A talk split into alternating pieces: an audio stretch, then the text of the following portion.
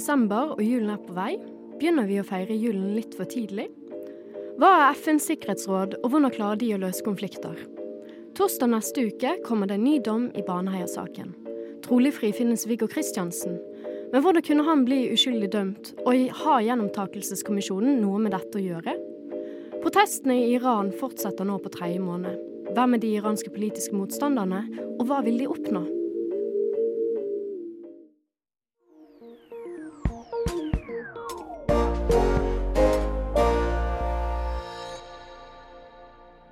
Hei og velkommen til Opplysningen 99,3 her på Radio Nova. Jeg heter Helena Skrøder og skal følge deg gjennom denne lærerike timen. Med meg her i studio så har jeg fått besøk av Frida Kristine Mogård. God morgen, Frida. God morgen, Helena. Og så har jeg fått med meg Amalie Sundby. God morgen, Amalie. God morgen. Det er lenge siden jeg har sett deg. Går det bra med deg? Ja, det er kjempefint å være tilbake. Ja. Jeg hadde litt lyst til å bare hilse til lytterne våre i Bergen. Ja, ikke, ja, ikke sant? ja, Godt at dere hører på. Det, det er vi veldig takknemlige for. Uh, ja, du, nå er det desember. Hvordan takler dere kulden i Oslo? Altså, ikke for å bli for stereotypisk av meg. Nei, altså Jeg er vant til kulde. Men det her det er en annerledes type kulde. Fordi den gjør vondt. Den gjør vondt, ja. den, den, svir, på en måte. Mm. Og det Nei, det er, det er kaldt. Det, det er så, såpass kan man si. Men det, man overlever nå. Det, det, er nå en del av, uh, av årsskiftet, kan man si. Desember mm. måned, januar måned. Mm. Jeg blir alltid like sjokkert hver gang. Og så i går Jeg, ikke, jeg, jeg er jo ikke vant med egentlig at det skulle bli så kaldt, og så greide jeg å skli, da. For første gang i år. Så da løp jeg opp trappen fra Majorstuen T-banestopp, og der falt jeg rett ned. Så det var en uh, fin opplevelse. Det var veldig flaut. Ja. ja. Slo du deg? Hæ? Slo du deg? Ja, litt. Men det gikk fint. Jeg, bare, jeg snudde meg ikke. Jeg bare OK, nå skal jeg bare gå. nå skal jeg bare ja, ikke bry meg, og så skal jeg bare gå rett fram og eh, ikke tenke på at jeg falt. Det gikk fint, da. Det kunne gått mye verre. Kunne... Men trikset er jo liksom å se på de rundt, og så le. Sånn. Ja, men jeg, sånn er med på spøken. Ja, men jeg lo, jeg lo liksom litt for meg selv. Jeg bare Men eh, nei, det gikk bra. Men uh, det, vi har eh, masse spennende på lur som uh, dere skal få høre, og vi skal snakke om. Uh, men først så skal du få høre litt god musikk. Her får du Ostesangen av Sjøberg her på Radio Nova. I want to talk about what for me is the deeper meaning of Christmas because it's not about presents or turkey or brandy butter, much though I like all of that kind of stuff. It's about Opplysningen på Radio Nova.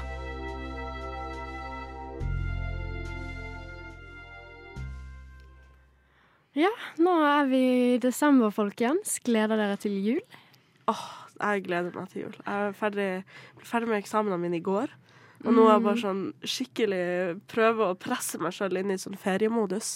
Og bare ha sånn jul. Jeg nekter å høre på noe annet enn julemusikk når jeg går ute. Og det er, jeg begynner å få den julefølelsen igjen. Og så er det, det, det er litt heldig at det har vært litt sånn snø, snø her i Oslo, syns jeg. Så det, mm. det bidrar virkelig på det. Ja. Nei, det jeg kjenner nå, at det, det, det, er juleferie for meg. Så nå det er det akkurat det samme. Jeg må begynne å spise litt pepperkaker og drikke litt mer julebrus for å komme, for å komme i den stemningen, da. Har dere noen planer? Er det noe, Skal du reise hjem til jul? Eller? Selvfølgelig skal jeg reise hjem til jul. Ja. Man må jo opp dit der uh, det, det lys det, ikke, Sola ikke vises mer enn eh, bitte litt lys en halvtime midt på dagen. Og, mm. og alt og, altså For meg som har vokst opp med det, så er jo det bare en del av jula. på en måte At det er mørkt ute hele mm, tida. Altså, nå, nå, når vi sitter her på Chateau Neuf, så er det lyst ute. Og, det faller ikke helt naturlig for meg, det må jeg si. Jeg er vant til mørke og kulde, men det er en del av jula, og det er en fin ting, syns jeg også, da. Men, ja, det er akkurat det. Og det er jo sånn at eh, folk driver og pynter til jul egentlig ganske tidlig, men jeg syns det er veldig fint når folk putter på julelys foran på balkongene deres, sånn at det lyser litt opp, da, mm. nå, nå som det blir så mørkt ute. Men det er jo en liksom diskusjon da som kommer hvert år, om at julen kommer litt, litt for tidlig, eller tidligere enn år før. Hva, hva, hva, er det for noe, Amalie? Nei, eh, jeg har gjort litt research på, på, det her. For det er jo noe som ofte tas opp, og det er jo sånn Journalistene leter jo alltid etter sånn klikksaker og ting å skrive om, og det er jo det derre spørsmålet om um, julevarene, eksempel, kommer for tidlig. Kommer julemusikken for tidlig. Jeg vet jo at uh, vår gode venn uh, Sander Zakaria, som pleier å være her i Opplysningen, han syns jo ikke julemusikken kan komme for tidlig. Mm. Han skal det helst begynne uh, i oktober. Beklager, nå er ikke han her for å forsvare seg, men jeg mener at jeg er på teip, at han har sagt det. uh, nei da, men det er noen som irriterer seg over det her, så jeg måtte liksom prøve å finne ut, da. Um, er det sånn at jula kommer tidligere hvert år, eller kommer den omtrent samtidig, bare at det er litt tidlig? Og så viser det seg da at det er i hvert fall en del um, uh, type sektorer. Jeg har forhørt meg med både dagligvare, pyntesektoren og radiosektoren. oh, såpass, ja. Og uh, juleværene, altså typ uh, julebrus, marsipanpynt og sånn, kommer i uke 42 eller 43. Mm. Ah, okay. uh, sånn er det, og sånn har det vært lenge. Når, når, på året blir det? Er det starten altså, av november? Eller? Nei. Eh, hvert fall her på Østlandet så er vi vant til å ha høstferien i uke 40. Okay. Så da er det jo to uker etter høstferien. Men jeg vet noen steder så er det vel høstferien uke 41. Ja, Som er uken før. Ja. ja. Mm. Så et eller annet rett etter høstferien, da. Ja, hvis okay. det er litt lettere å orientere på. Ja, sånn det. Jeg syns egentlig at for meg, da, så vil jeg liksom OK, det, det skal være greit med jul etter halloween. Ja, halloween 31. oktober. Når det er liksom 1. november, da synes jeg OK, nå er det greit å mm. kunne liksom sakte, men sikkert gå mot julen. Men jeg har vel liksom for meg så er det sånn Jeg skal ikke drikke julebrus, spise pepperkaker eller spise kakemenn før 1. desember. Nei, på helt samme måte. Det er bare en mm. prinsippsak. Mm. Det er sånn, mm. Selv om julebrus er kjempegodt og pepperkaker også er kjempegodt, mm. så det er noe med at det må. Man, man må være i desember for å liksom bidra til å feire den jula. det er noe spesielt. Det er liksom, det er jul en gang i året, men det er liksom, hvis du skal drive og spise pepperkaker året rundt og i no, tidlig november, da det blir ikke det samme. Nei. Du skal glede deg til jul. Men eh, ja, fordi Det var det som sjokkerte meg litt da jeg gjorde denne researchen. Var at uh, julevarene kommer da uke 42, som ja, for, for, å svare litt bedre på det du spurte om, det er uh, tredje uka i oktober. Okay, ja. Så det er på en måte halvveis i oktober, da. Så er før halloween. Men når det handler om julemusikk på radio, så jeg har snakket med en representant fra en av Norges største radiokanaler. Skal ikke legge ut navn, fordi jeg glemte å spørre om jeg kunne snakke om det her på. Men jeg lover at det stemmer. Eh, hun kunne da fortelle at eh, de spiller ikke julemusikk på sin hovedkanal før første søndag i advent. Men hun hadde gått og sett på listene tilbake i tid. Og for 20 år siden så var det ikke satt opp en eneste julesang 1. desember.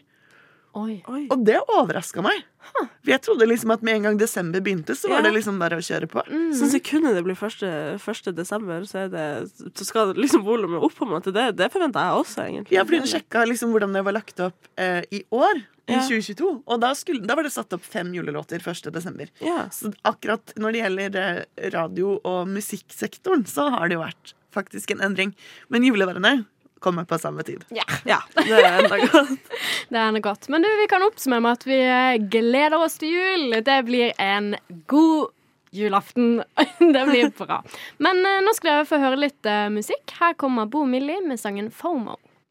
Og så bruker han jo da også i forlengelsen av det dette ordet terrorist. ikke sant? På sett og vis er jo det USAs store gave til verdens uh, autoritære Finne et litt mer, litt mer, nyansert språk der. De arabiske statene prøver å føre en sånn politikk hvor de kan støtte palestinerne i retorikk, men i praksis holde seg egentlig unna konflikten. Radio Novas samfunns- og aktualitetsmagasin Opplysningen gir deg historiene, sakene og debattene andre overser. Aldri redd, alltid balansert.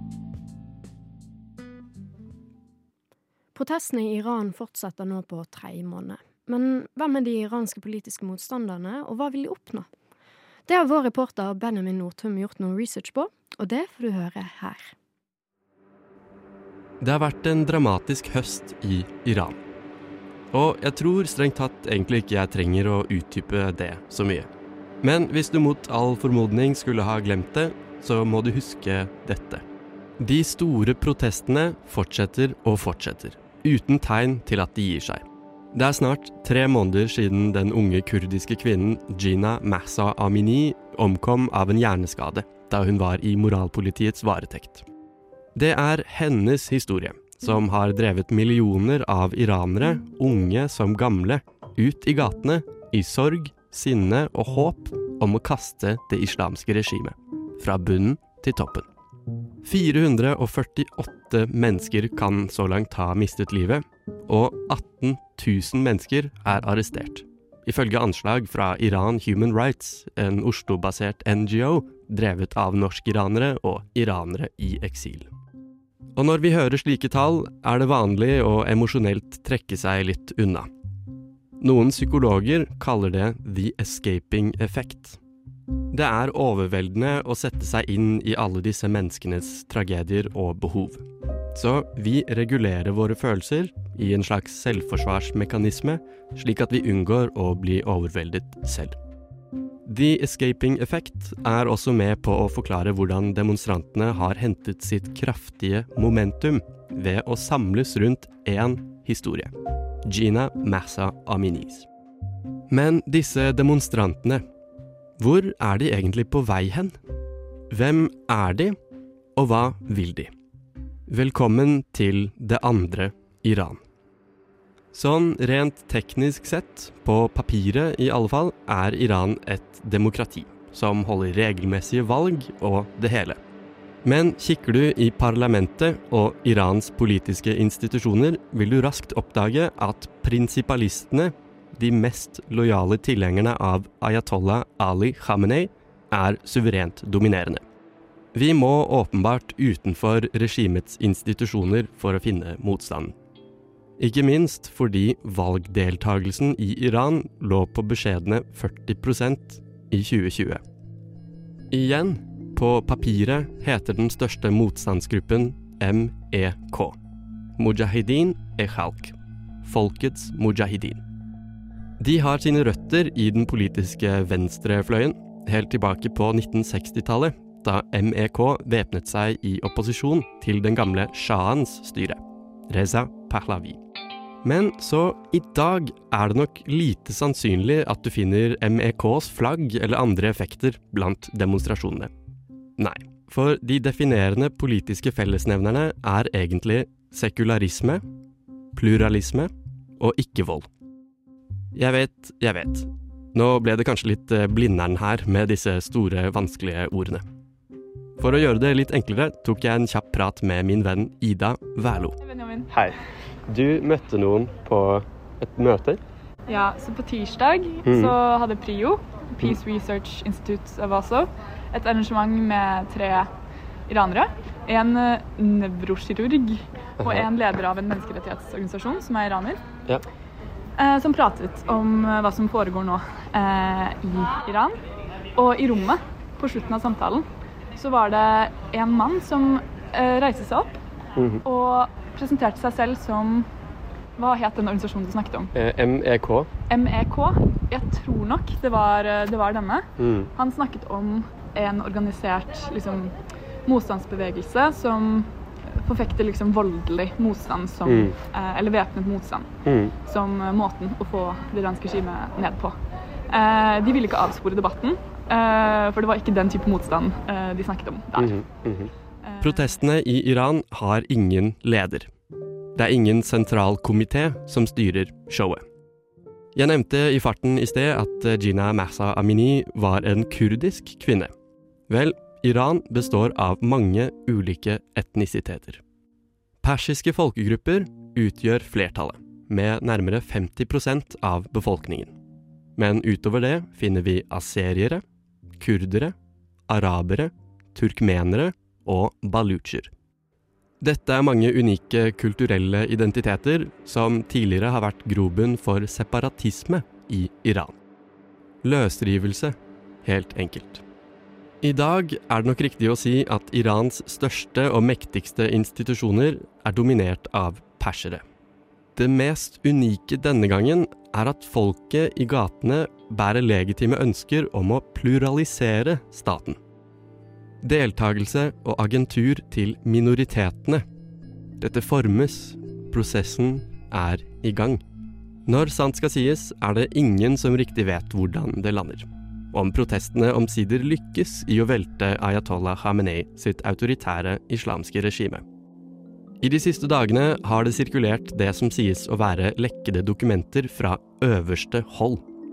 en forespørsel fra Irans myndigheter om asyl i Venezuela for utvalgte høytstående representanter. Det understøttes av et offisielt besøk av fire iranske politikere til Venezuelas hovedstad Caracas. Selve dokumentet er uverifisert, så klart. Men tross alt, her heter det helt konkret i ordlyden når regimet faller. Der fikk du vår reporter Benjamin Nordtømme. Musikken er hentet fra Blue Dot Sessions. Du lytter til Radio Novas samfunns- og aktualitetsmagasin Opplysningen. Opplysningen hver fredag mellom klokken 10 og 11 på Radio Nova.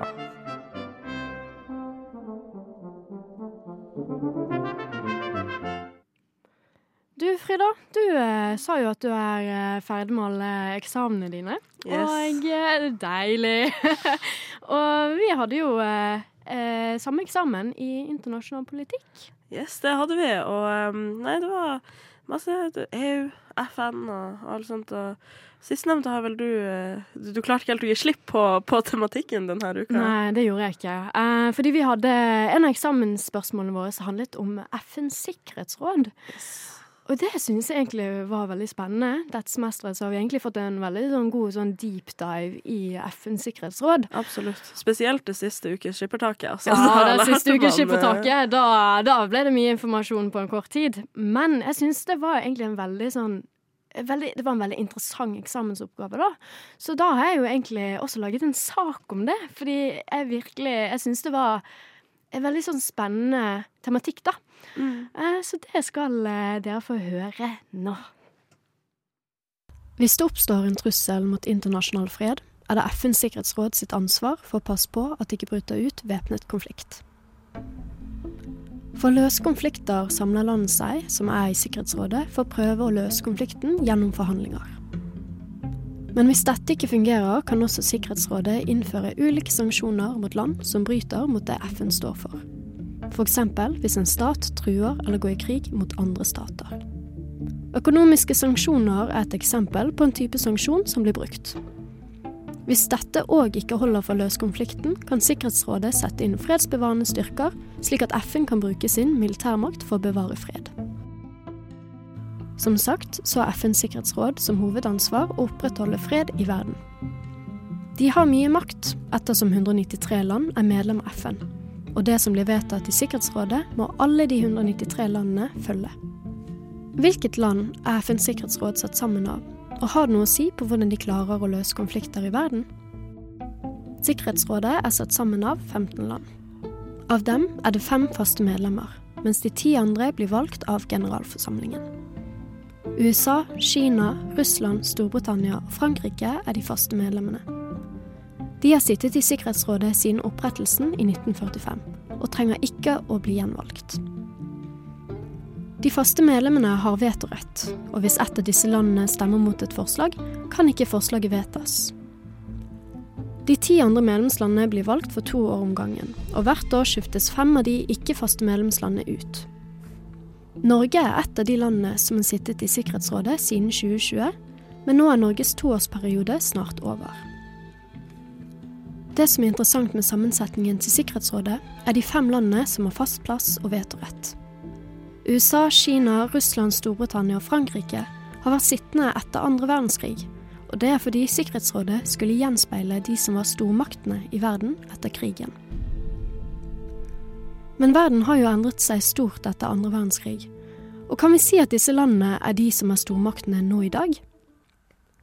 Disse landene som man vet og rett, har jo veldig mye makt. Hvis 14 av landene i Sikkerhetsrådet er enig i et forslag, og ett land som man vet og rett er uenig, blir jo ikke forslaget vedtatt. Dette har mye å si på hvordan de skal klare å løse de problemstillingene Sikkerhetsrådet blir satt overfor. Hvis ett land som har vetorett i Sikkerhetsrådet er med i en konflikt eller en krig, så kan de bare si nei til alle forslagene som gjelder den selv. Det som blir vedtatt i Sikkerhetsrådet er bindende for alle medlemmene i FN. Den som har vetorett, har som sagt mye makt, og vi ser dette skjer nå med tanke på krigen i Ukraina. Russland sitter i Sikkerhetsrådet, og de gang på gang kan avslå forslag som gjør det umulig for FN å gripe inn i konflikten. Hvis Russland ikke satt i Sikkerhetsrådet, kunne Sikkerhetsrådet for lengst ha klart å hjelpe Ukraina. Under den kalde krigen avslo USA og Sovjetunionen gang på gang ulike forslag. De klarte jo ikke å komme til enighet. Og det ser vi skjer nå òg. Når disse ulike landene har såpass ulike interesser, er det vanskelig å samarbeide sammen. Men sånn skjer når de fleste land i verden er medlem av FN. Land har ulike politiske systemer og interesser, og det vil være vanskelig å komme til enighet.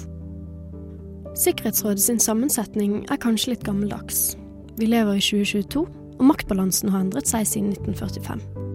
Kanskje det er på tide at den sammensetningen blir endret, slik at land som faktisk vil bevare fred i verden, har mer makt enn land som ikke gjør det. Det er mye snakk om Nato sin artikkel 5, og at det er den eneste muligheten til å gripe seg inn i krigen i Ukraina. Men Sikkerhetsrådet har jo egentlig like mye makt til å gjøre noe. Men når Russland sitter i Sikkerhetsrådet selv som fast medlem, vil man aldri klare å gripe seg inn i den konflikten. Denne sammensetningen til Sikkerhetsrådet er et problem, fordi den gjør det slik at den ikke klarer å gjøre det FN sitt mål er. Å løse konflikt og bevare fred i verden. Der fikk du høre Helena Skrøder, og musikken er hentet fra Blue Dot Sessions.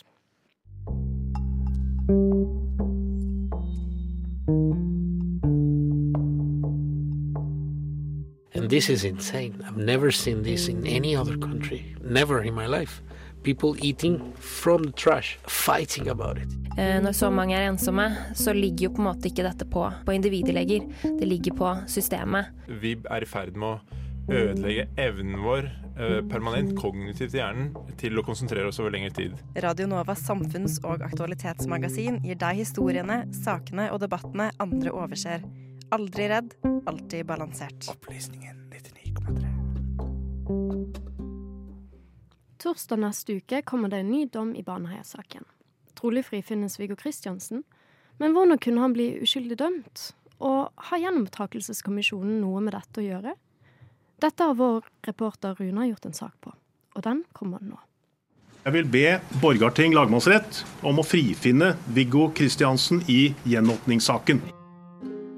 Tidligere i år ble det kjent at Baneheia-saken skulle gjenåpnes. Baneheia-saken er en av Norges mest alvorlige straffesaker, der to jenter på åtte og ti år ble voldtatt og drept i Baneheia, Kristiansand 19. mai 2000. Her ble to menn, Viggo Kristiansen og Jan Helge Andersen, dømt. Men der Andersen erkjente delvis straffskyld, hevdet Kristiansen hele tiden at han var uskyldig. Kristiansen har siden den gangen jobbet med å få saken sin gjenopprettet, slik at han kan bevise sin uskyld. Men han har ikke lyktes, ikke før i februar 2021. Da hadde saken hans vært sendt inn til gjenopptakelseskommisjonen hele syv ganger, men blitt nedstemt. Som sikkert mange vet, frifinnes Kristiansen med stor sannsynlighet. Spørsmålene er derfor mange. Hvordan kunne noe sånt skje? Hvordan er det mulig at en mann kan sitte inne i 20 år for en handling han aldri begikk? Og hvilken rolle spiller egentlig gjenopptakelseskommisjonen? Fungerer den egentlig? Dette er saken om gjenopptakelseskommisjonen og dens rolle i Baneheia-saken. For å få svar på hvilken samfunnsrolle gjenopptakelseskommisjonen har, tok jeg kontakt med en jurist fra Bergen. For å forstå rollen til gjenopptakelseskommisjonen, så tror jeg kanskje det er lurt å si to ord først om hva gjenåpning av straffesaker er. Stemmen du hører her, er Malin Skogstad Aaen, jurist og stipendiat ved Universitetet i Bergen. Aaen skriver i dag på en doktorgrad om rettsreglene om gjenåpning av straffesaker i norsk rett. For gjenåpning er jo egentlig et unntak fra utgangspunktet om at når en straffesak er ferdigbehandlet i domstolene, så er den på en måte endelig og det vi vil kalle for rettskraftig. Og da er jo utgangspunktet også at man eh, forhåpentligvis skal stole på at den avgjørelsen er riktig. Og det er det jo mange rettssikkerhetsgarantier som skal ivareta i den opprinnelige prosessen. Det er et strengt beviskrav i straffesaker. Det er en muntlig prosess. Um, ja, så Derfor skal det også ganske mye til for å få en sak gjenåpnet, og det kreves i utgangspunktet noe nytt. noe som ikke har vært fremme for retten, og noe som kan reise tvil ved om saken er riktig avgjort. Og Det er dette som er eh, ansvaret til Gjenopptakelseskommisjonen. Det er rett og slett et uavhengig forvaltningsorgan som behandler begjæringer om gjenåpning.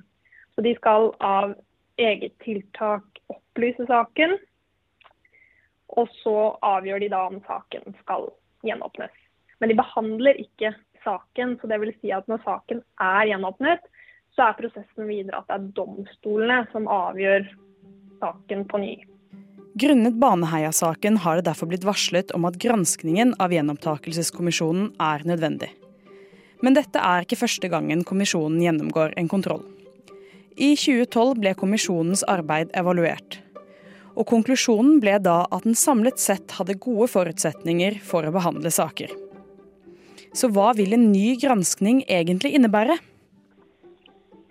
Ja, det er jo ikke så lett å si. For den eh, etterkontrollen som jeg snakket om, det var en mer sånn generell gjennomgang av kommisjonens arbeidsmåte og organisering. Mens den eh, granskningen som er varslet nå, Eh, den er egentlig varslet fra to kanter, og det handler om Baneheia-saken. Eh, for det første, som justisministeren har varslet. Og så er det også fremmet et representantforslag på Stortinget om å granske kun gjenopptakelseskommisjonen. Men altså, hva som kommer ut av det er ikke så lett å si, og de har heller egentlig enda ikke offentlig uttalt hva mandatet for en sånn granskning skal være.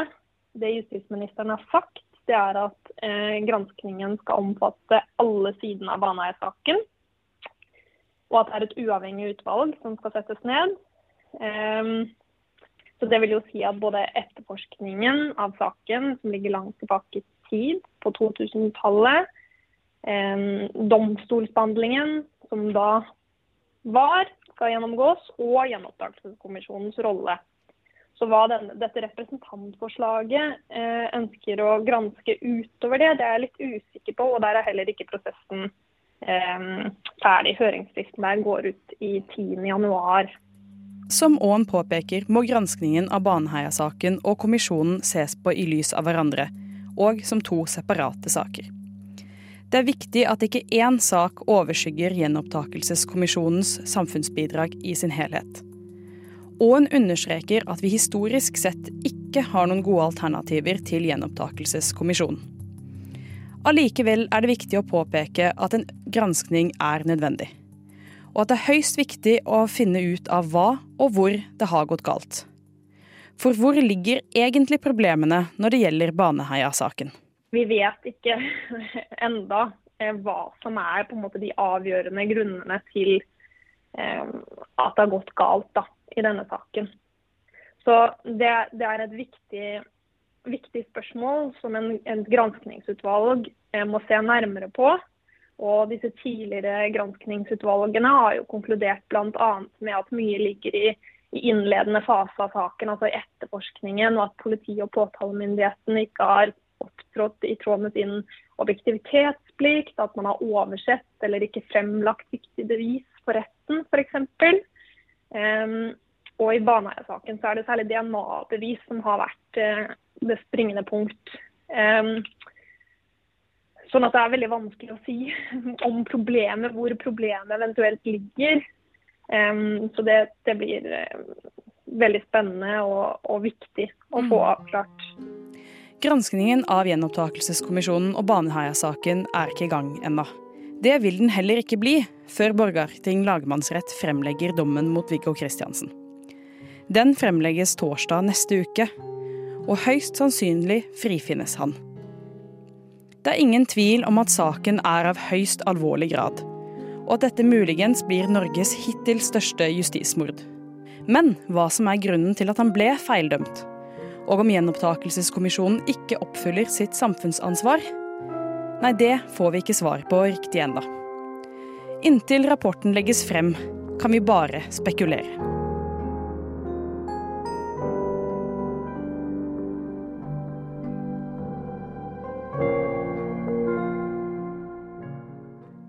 Reporter i denne saken var Runa Årskog. Musikken er hentet fra Blue Dot Sessions.